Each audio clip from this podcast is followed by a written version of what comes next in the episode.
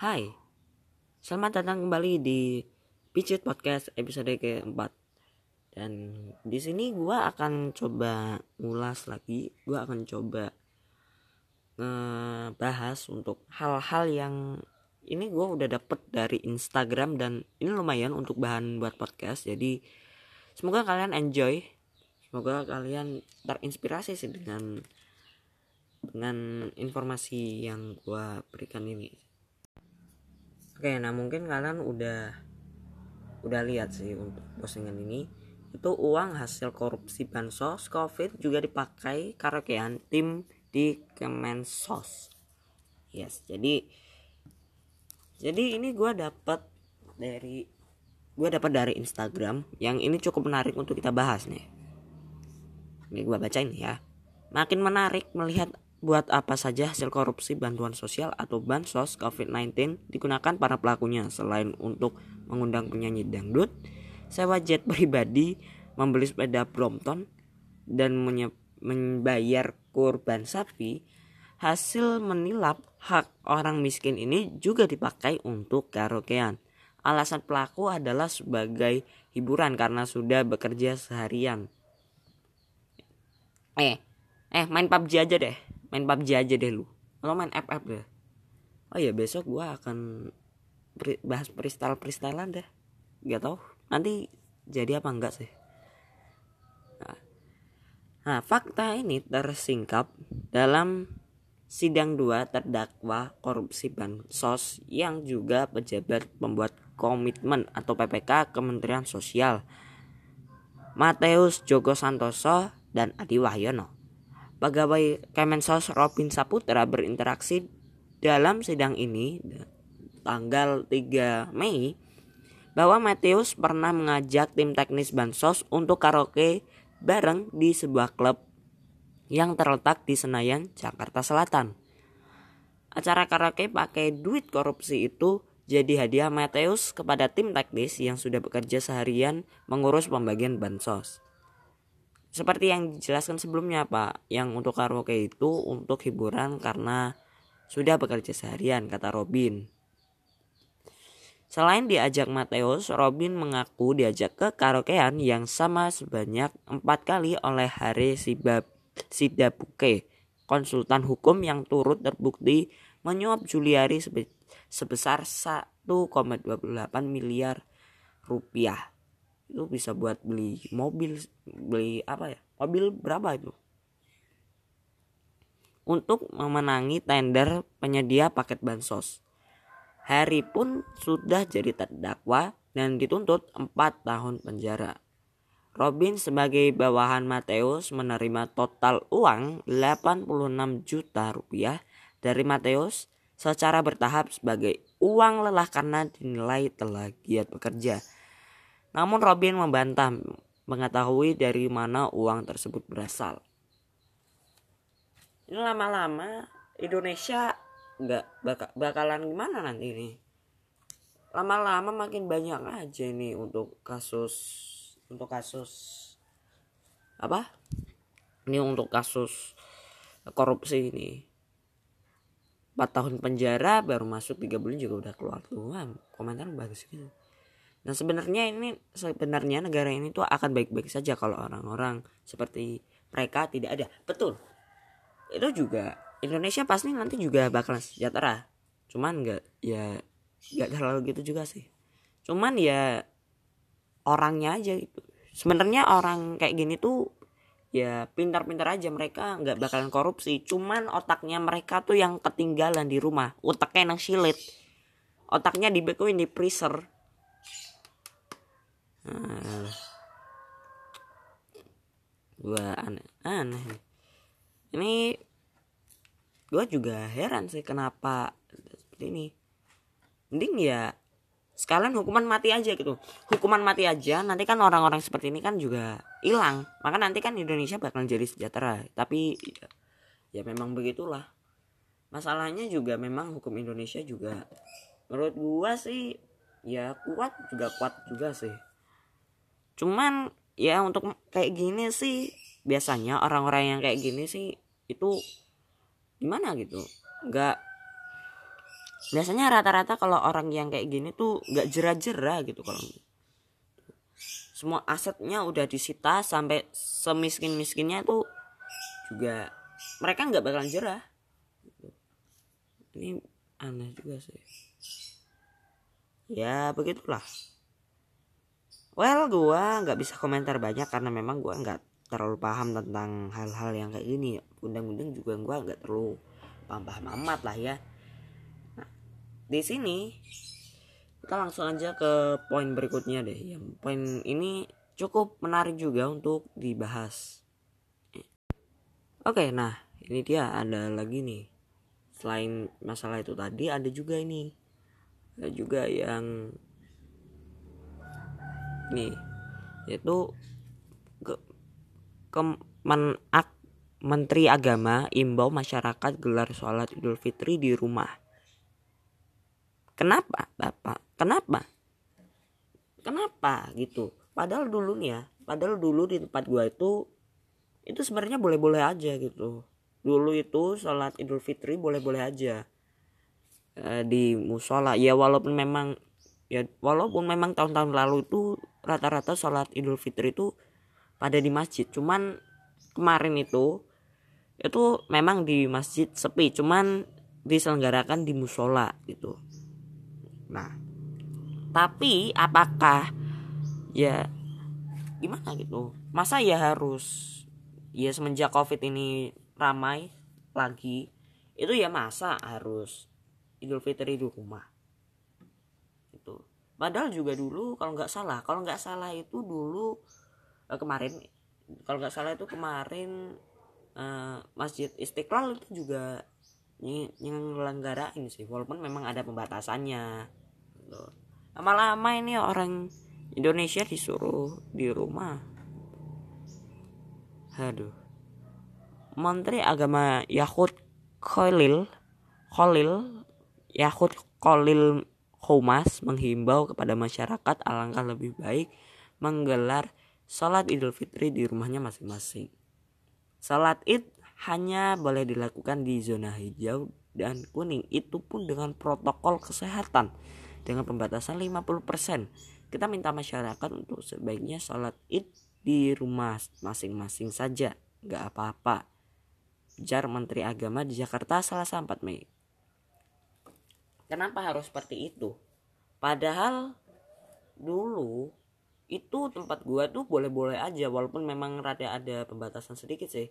Ya walaupun memang dulu boleh kemarin tuh boleh-boleh aja. Memang rada ada pembatasan sedikit sih. Memang gak banyak orang yang apa? Gak banyak orang yang sholat juga. Cuman itu kan di masjid. Itu disuruh. Cuman itu disuruh di musola karena demi pembatasan gitu ya masa harus gitu. Dan juga kenapa bapak? Kenapa kok harus perhatikan? Kenapa harus sholat apa? Kenapa harus masjid aja? Padahal di luar sana mall itu mall juga sebenarnya buka juga itu sebenarnya harusnya nggak boleh itu. Aduh dan kalau seperti itu ya gimana? Ya masa sekolah nggak boleh sholat aja nggak boleh masa ibadah nggak boleh sih? Itu kan mall juga rame itu kayak gitu. Lama-lama bikin emosi aja sih. Ya nggak tahu sih. Ya ada komentar juga nih menyelamatkan perekonomian dengan cara memperbolehkan kerumunan di dalam mall. Tapi mengob tapi mengorbankan sisi rohani masyarakat dengan membatasi tempat ibadah. Kok sangar? Yes gue setuju sih sama ini. Memang memang ini membuka mall itu adalah mensejahterakan perekonomian. Cuman cuman masa ya masa ya ibadah di tempat umum aja nggak boleh. Eh masa ibadah di tempat ibadah nggak boleh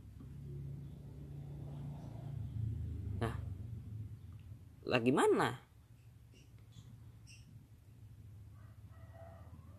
lah kalian lah kalian tahu nggak itu di ada musola di mall? Itu kan boleh dibuka. Kenapa? Mudik aja nggak boleh. Kata eh ya kayaknya kalau gua nggak salah itu gua pernah ketemu sih postingan tuh. Katanya mudik setelah tanggal 23 atau tanggal 20 eh, tanggal berapa gitulah. Itu katanya kalau mudik setelah itu bakal kena denda 100 juta. 100 juta. 100 juta buat apa? Mending kalau gua sih ya kalau gua 100 juta mending rakit bisnis 100 juta. Denda 100 juta anjir. Random banget lama-lama ini Indonesia ya masa sih harus kayak gitu juga? Ya jelas banget sih.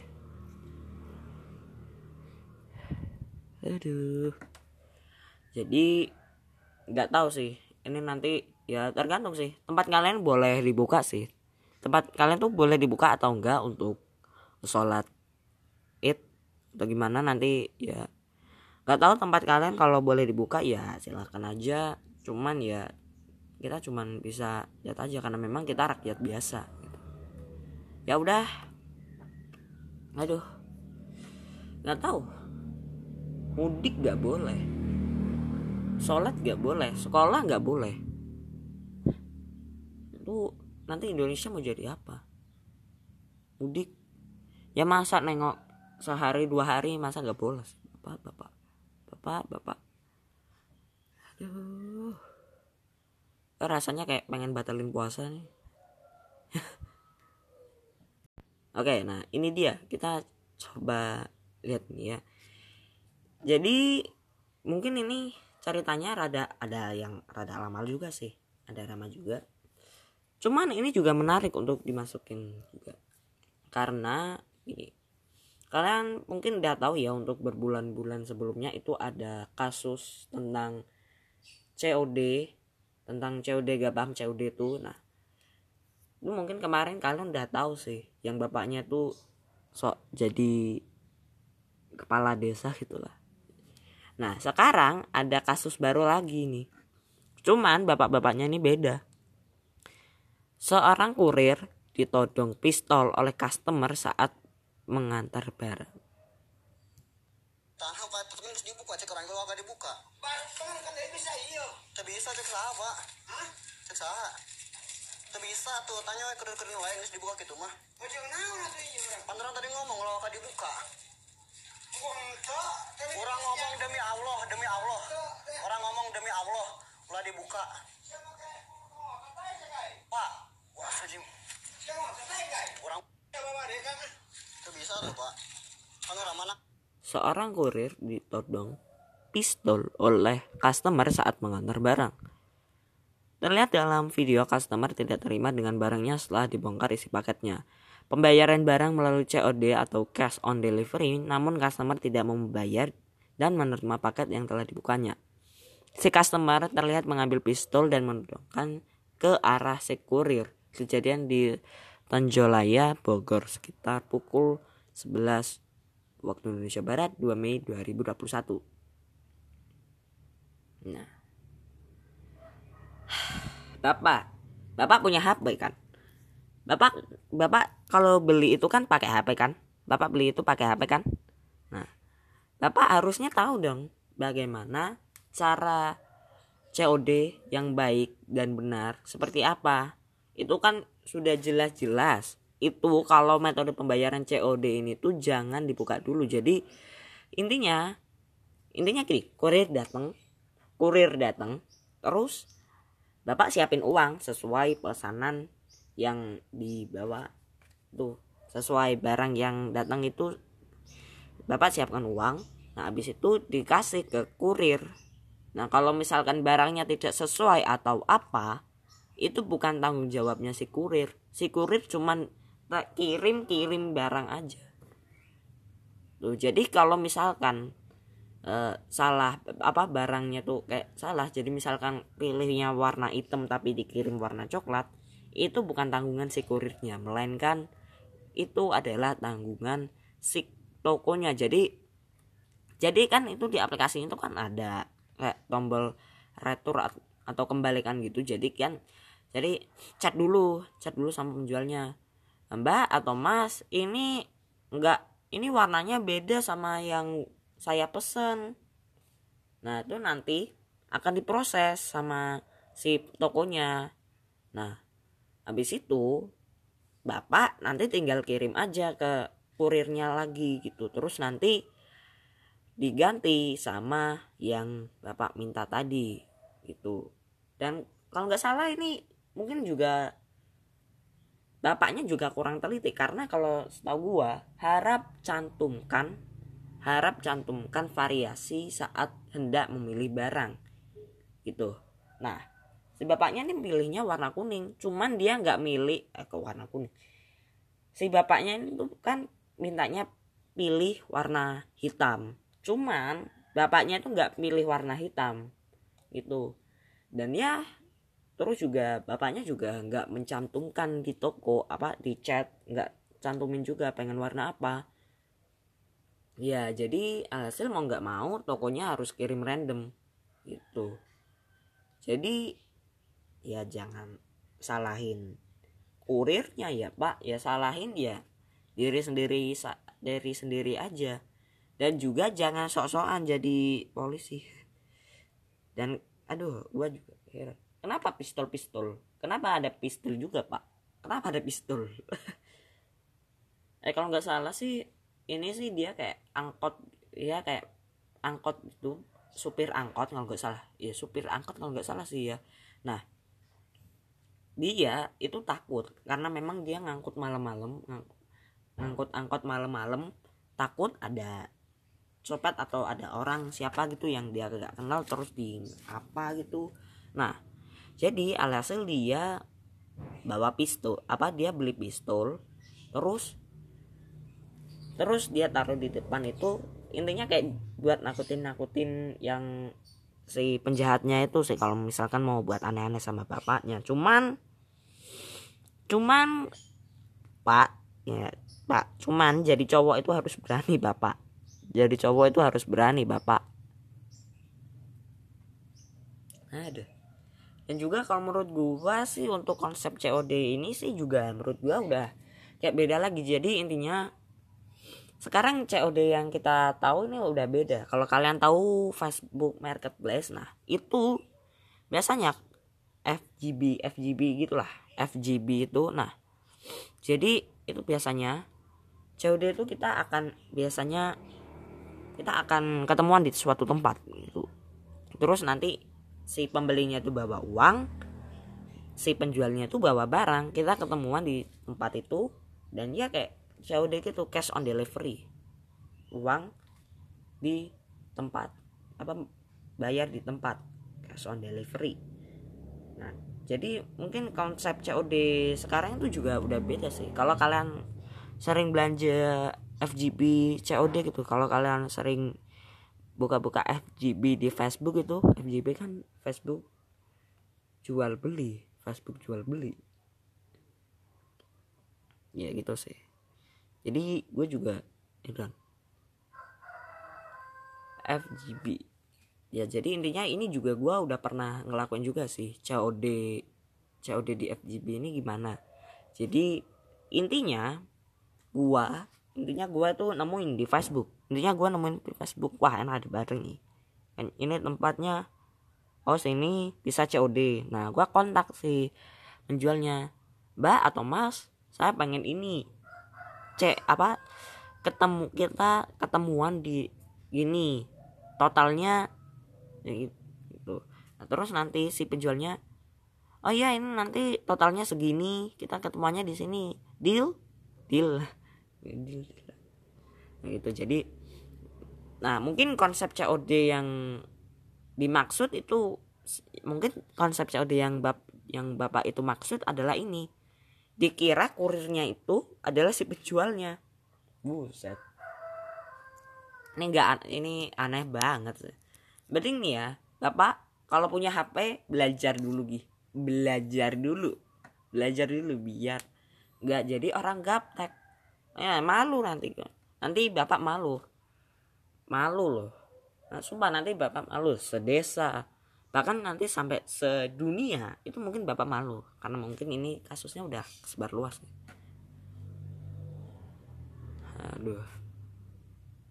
ini juga ya, makanya sistem COD dihapus aja. Ya gua juga setuju. Karena memang karena memang konsep COD yang dimaksud itu itu beda sama konsep COD yang di FGB FGB itu beda. Gitu ya takutnya kalau ada COD nih misalnya ada orang beli HP COD kirim ke alamat palsu sebelumnya punya pistol ditodong lah kurirnya. Si kurir disuruh pergi jadi si pembeli atau perampok ini dapat gratis gitu. Bener. Ya juga sih memang gitu. Cuman ya gitu juga rada rada gimana gitu. Nah. Dan kalau kita bisa tahu ya itu sih. Konsep COD yang ada di FGB sama di marketplace itu beda beda gitu. Jadi ya sekali lagi bapak marketplace sama FGB tolong dibedain. Gitu. Ya udahlah. Namanya juga orang nggak punya akal gitu kan. Namanya juga orang nggak ada akal. Jadi intinya gini jadi intinya gini untuk fitur COD yang ada di marketplace usahakan marketplace itu maksudnya Shopee Tokopedia Bukalapak. Nah itu kan usahakan kan ada fitur COD-nya usahakan dihapus saja karena mungkin bapak itu ngira konsepnya itu adalah si pembeli dan penjual itu ketemuan di suatu tempat. Seperti kayak layaknya Facebook jual beli gitu FGB gitu. Jadi menurut gua menurut gua sih sistem COD yang ada di marketplace hapus saja gitu. Dan mungkin juga mungkin juga ada banyak orang yang takut juga sih. Takutnya uangnya udah ditransfer barangnya sampai eh tahu taunya palsu ya rugi pak. Jadi menurut gua sih untuk online belanja online juga nggak terlalu ada yang aman. Nggak ter nggak tentu ada aman nggak tentu aman. Jadi kalau kalian belanja online ini nggak tentu aman. Jadi sepintar-pintarnya kalian pakai HP sepintar-pintarnya kalian searching sepintar-pintarnya kalian pakai internet bagus untuk mendapatkan informasi yang bagus juga. Dan informasi itu bermanfaat buat kalian dan uh, saudara-saudara kalian itu bikin petisi aja deh kalau gini. Mah udah banyak korban peti bikin petisi vote hapus sistem COD di all shop. Kasihan ke kurirnya yang nggak salah disalahin sisi positif COD juga cuma ngefek yang nggak punya ATM doang. Tapi kan ngasih tapi kan masih ada sistem bayar ke Indomaret atau Alfa jadi sistem COD hilangin aja. Ya menurut gua juga setuju sama ini. Dan gitu. kalau sellernya nipu gimana kalau sellernya nipu atau misalkan barangnya nggak sesuai tinggal laporin ke all shop aja. Tinggal di apa tinggal dilaporin sama care apa sama sama itu Tokopedia Care itu namanya ada Tokopedia Care gitu. Hmm, gitu sih. Jadi jadi kalau misalkan barang jadi kalau misalkan itu ditipu barangnya palsu atau misalkan salah itu tinggal kalau misalkan barang salah kirim itu tinggal balikin aja sama uh, balikin aja sama tokonya. Tapi kalau misalkan si toko itu nipu tinggal dilaporin aja sama toko nah itu tinggal laporin aja sama all shopnya Tokopedia Shopee apa gitu. Nah.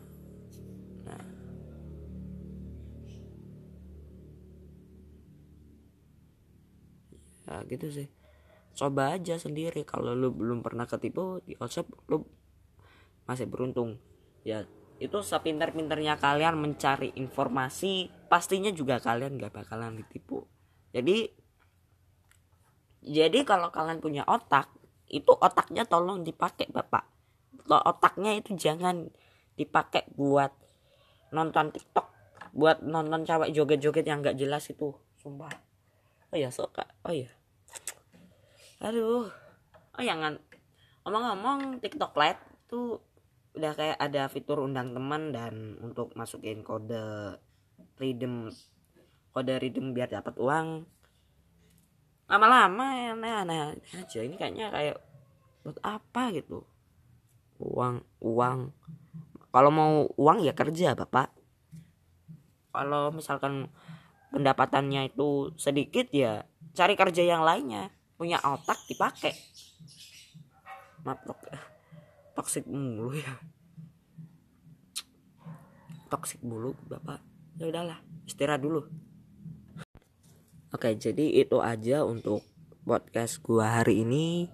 Semoga kalian suka dengan podcast ini. Kalau kalian suka silahkan di share dan makasih banget bagi kalian yang udah dengerin udah nge-share udah ngedonasi juga semoga panjang umur buat kalian.